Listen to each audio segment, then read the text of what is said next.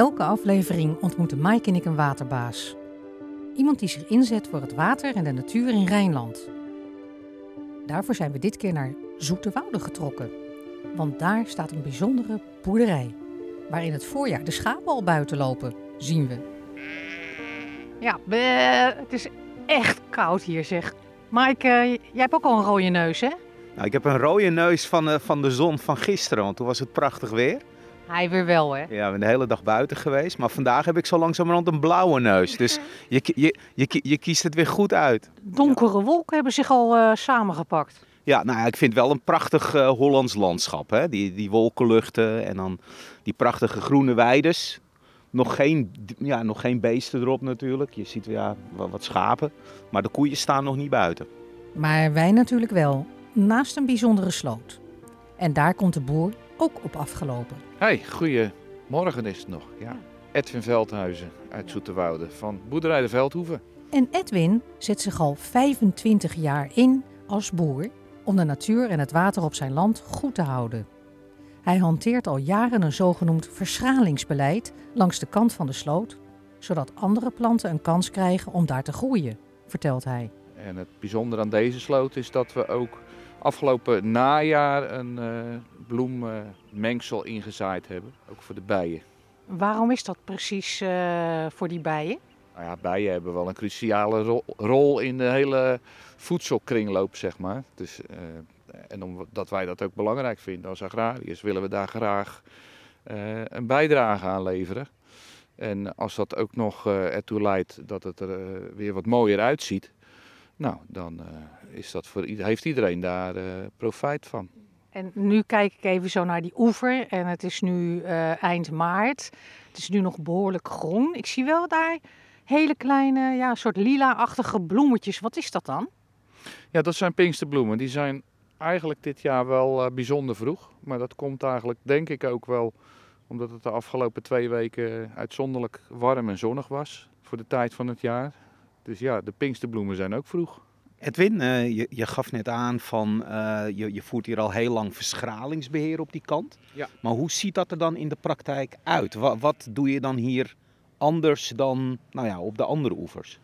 Nou, voor mij in de praktijk eh, is eigenlijk het grootste verschil dat we verder uit de kant blijven met bemesten. We hebben bijvoorbeeld op onze kunstmeststrooier een, een speciale kantstrooiinrichting.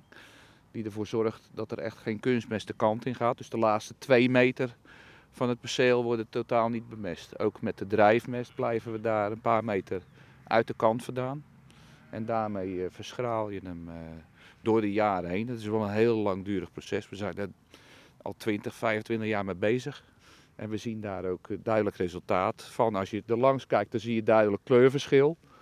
Dat geeft al aan dat je die verschraling ook echt ja, visueel ziet, zeg maar. Kan je ook nog met, met het maaibeheer van die zone nog verschralen? Of is dat, of, ja, wer- werkt dat of werkt dat niet? Jazeker.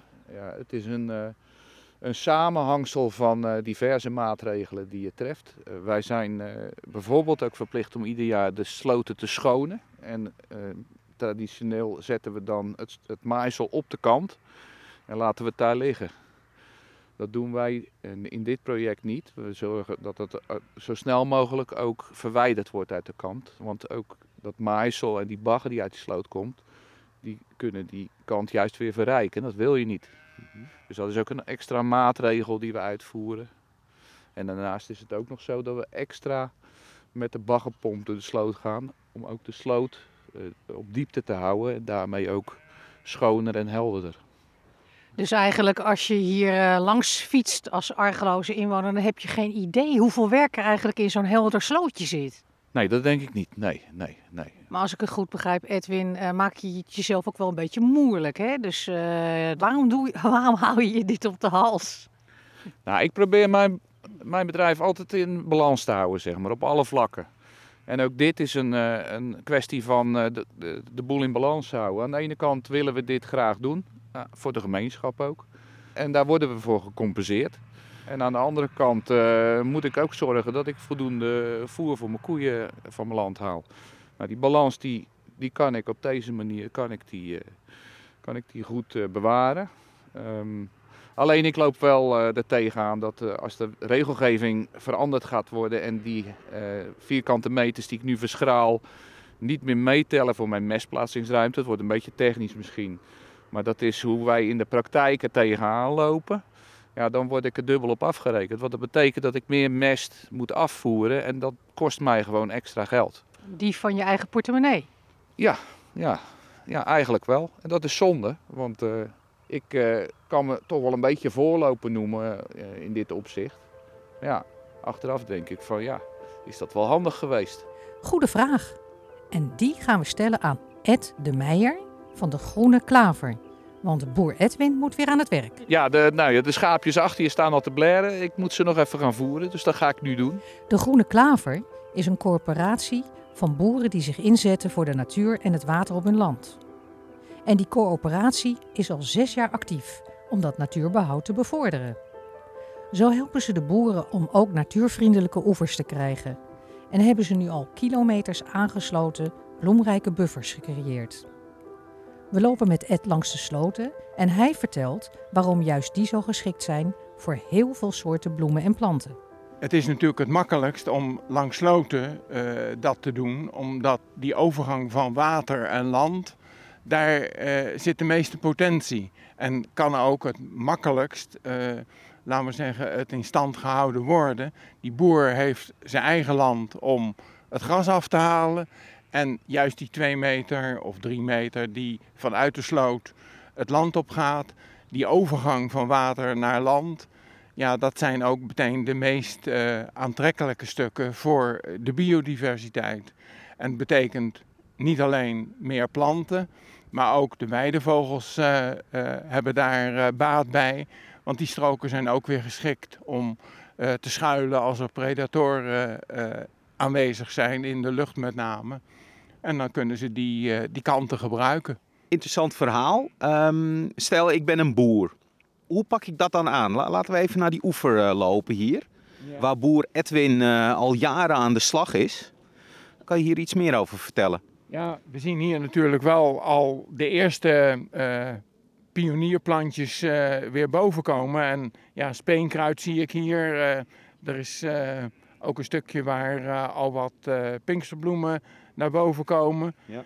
En we hopen dat de soorten die we hebben ingezaaid dat die ook allemaal dit voorjaar op zullen komen. Maar dan moeten we nog even een paar weken wachten.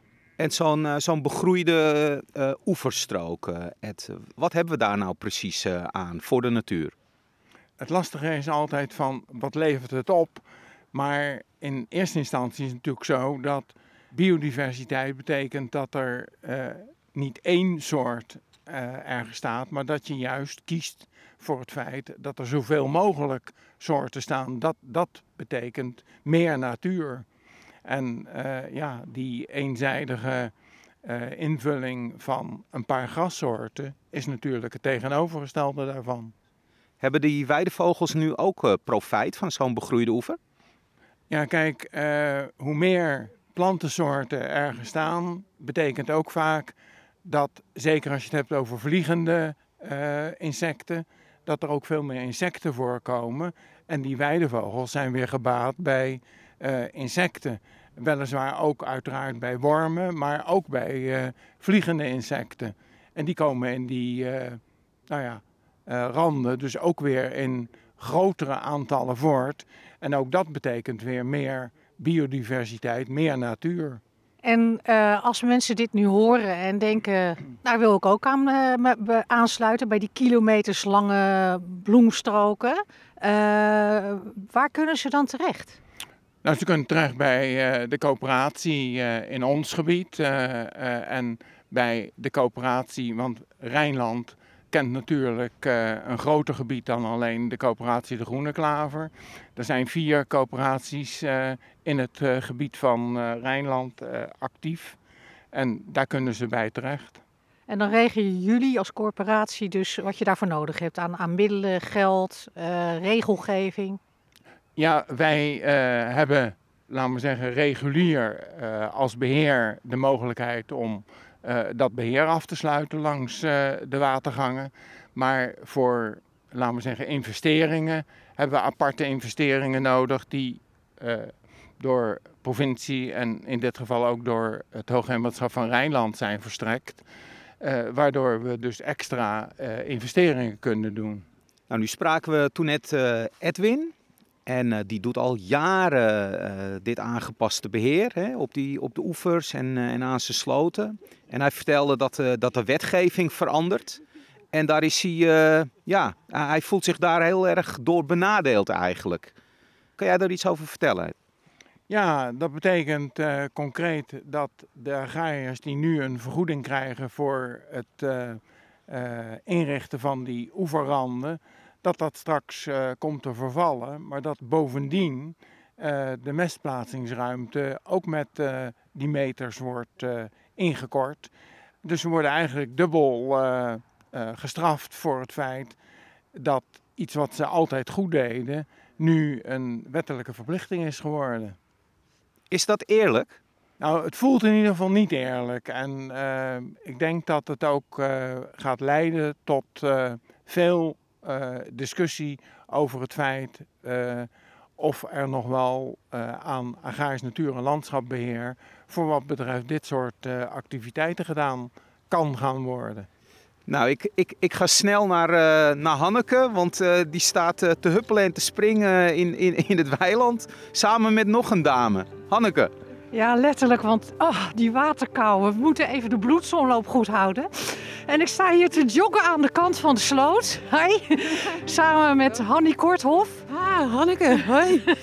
Moet ik me even voorstellen? Nou, nee hoor. Hanny is namelijk van Groene Cirkel Bijenlandschap en de Omgevingsdienst West-Holland.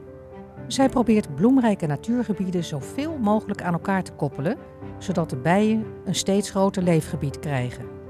En die bloemrijke oevers helpen daarbij om de stad en het platteland met elkaar te verbinden. Ik ben nog een beetje buiten adem van het springen. Maar wat doet dit eigenlijk met de bijen? Deze kou eind maart, begin april? Nou, die zijn gauw weer eh, in de grond uh, verdwenen of in uh, nestjes in de takken of in holtes of wat dan ook. Die, die houden het ook even voor gezien. Bijen houden van warmte. Maar overleven ze dit dan wel? Ja, zeker ja. Ze hebben de hele winter ook overleefd, toch? En nog even toch over die bij, want dat interesseert me wel. Stel, hè, ze komen uit een hol en ze gaan vliegen. Hoe groot zijn die afstanden die bijen kunnen overbruggen? Nou, dat is heel verschillend, want je hebt echt hele kleine bijtjes, die zijn maar een halve centimeter groot of zo. Die vliegen maar uh, nou ja, 50, 100 meter misschien. Dus die uh, moeten eigenlijk juist in die nabijheid al uh, voldoende bloemen hebben, voedsel, nectar en stijfmeel. En ze gebruiken die bloemen dan als een soort landingsbanen om even uit te rusten? Of is dat ook gelijk eten, laden en lossen? Ja, dus dat is echt eten. Ja, dus ze hebben eigenlijk hebben ze een omgeving nodig voor bed en breakfast, zeggen wij. Dus dat is voor eten. En maar ook uh, ja, schuilgelegenheid, nestgelegenheid. Dus dat moet allebei voorradig zijn, ja. Jij bent eigenlijk een franchise-onderneming begonnen voor die B&B's voor bijen. Ja, en uh, kilometers lang graag. En uh, daarom ben jij gaan aankloppen bij de Groene Klaver. Ja, dat klopt. Ja. Want wij, wij, werken dus eigenlijk met heel veel partijen samen aan verbindingen überhaupt. Van de stad in de stad, vanuit de stad naar het buitengebied. En in het buitengebied is het gewoon uh, niet, ja, is niet genoeg voedsel voor bijen. Dus zijn we inderdaad gaan kijken van nou, wat kunnen we daaraan doen? Uh, en het is niet, dus we dachten van nou misschien dan bloemrijke oevers. Uh, die zijn niet alleen goed voor bijen, maar ook voor weidevogels. Dat zei Ed net ook al. En voor de recreanten. Is ook gewoon een mooi gezicht in het landschap als je van die bloemrijke linten hebt. Dus toen zijn we gaan kijken wie willen daarmee in samenwerken met ons. Dus toen zijn we bij de Groene Klaver uh, langs gegaan van uh, of zij misschien wilden kijken of er ook boeren die bij hun aangesloten zijn mee zouden willen doen. En bij het Hoogheemraadschap, omdat het Hoogheemraadschap zelf ook wel belang heeft bij uh, nou ja, natuurvriendelijke oevers, waterkwaliteit, biodiversiteit. Hanni, je had het net over, nou ja, over deze maatregelen en ehm, het belang daarvan om die ook in het boerenland te nemen. Maar mensen in, in, in de dorpen, de lintbebouwing of misschien wel het stedelijk gebied kunnen die ook helpen om iets te doen voor de bijen? Ja, dat is juist het leuke van dit project. Iedereen kan helpen. En eigenlijk, ja, uh, we proberen dus een heel netwerk te vormen. En daarbij tellen alle schakeltjes mee. Dus zelfs een balkonnetje in de stad kan een bijenparadijs zijn, zeg maar. Dus dat is leuk. En hier in de regio proberen we ook, want we, zitten, we staan hier dus in de weilanden bij Soeterwoude. Aan de overkant zie je, ehm, zie je het bebouwde lint van de Wijpoort. En in de Wijpoort zit een heel actieve uh, Wijpoort-Bijpoort uh, initiatiefgroep. En met hen samen werken we ook om uh, te helpen inwoners te vragen om, om, om mee te doen. Dus en, zijn... en, en wat doen die inwoners dan? Nou, ze zijn heel erg bezig met bijenhotelletjes. Maar ja, als je bijenhotelletjes neerzet, dan moet je dus ook zorgen voor de juiste bloemen eromheen. En wat we nu proberen te doen, we hebben een soort uh, moduletjes gemaakt. Ja, hoe zeg je dat? Van een paar vierkante meter tuin, die je dan bij vriendelijk in kan richten. Hoe kan je dat doen? Wat moet je dan doen? Hoeveel kost het? Uh, nou ja, heel simpel en leuk. En uh, daar zit ook een stukje oever bij, want we willen natuurlijk ook juist eigenlijk graag dat ook inwoners met de oever aan de slag gaan. Oké, dus veel meer dan een, paar, dan een vierkante meter hoeft het niet te zijn? Uh, nou, het, die hele tuin moet natuurlijk eigenlijk van het vroege voorjaar tot het late najaar uh, bloemrijk zijn. Uh, en, maar goed, ieder stukje helpt. En het is eigenlijk meer, mensen willen vaak wel wat doen, maar ze weten dan niet goed hoe. En dan is dit gewoon leuk om ja, op die manier te beginnen. En je had het over het, het, het belang van verbindingen. Uh, ja, we staan hier echt midden in de weilanden. En ja, ik denk, oh, ja, als ik naar, naar rechts kijk, ja, dat is al gauw twee kilometer. En naar links, ja, is het ook gewoon twee kilometer. Dus het is echt gewoon, nou ja, bijna in de middle of nowhere zou ik het willen noemen. Heb je die lengtes nodig en wat is daar dan het nut van? Uh, nou, die bijen, die kunnen, en dat geldt natuurlijk ook voor andere uh, beestjes, die kunnen zich langs zo'n lint verplaatsen. Dus uh, ja, zo, zo, zo, zo, zorg je dat de ene plek met de andere wordt verbonden. En dat helpt. En uh, ja. Maar, maar die, die bijen vliegen toch weer terug gewoon naar hun nest. Dus, dus waarom zou je ah, die lengtes uh, allemaal maken? Ja, nou, er komen nieuwe bijtjes uit die natuurlijk ook weer ergens een nestje moeten maken. En dus die kunnen zich gewoon langs dat lint gaan verplaatsen. Wat een mooi initiatief. Want bijen blijven van levensbelang voor goede natuur.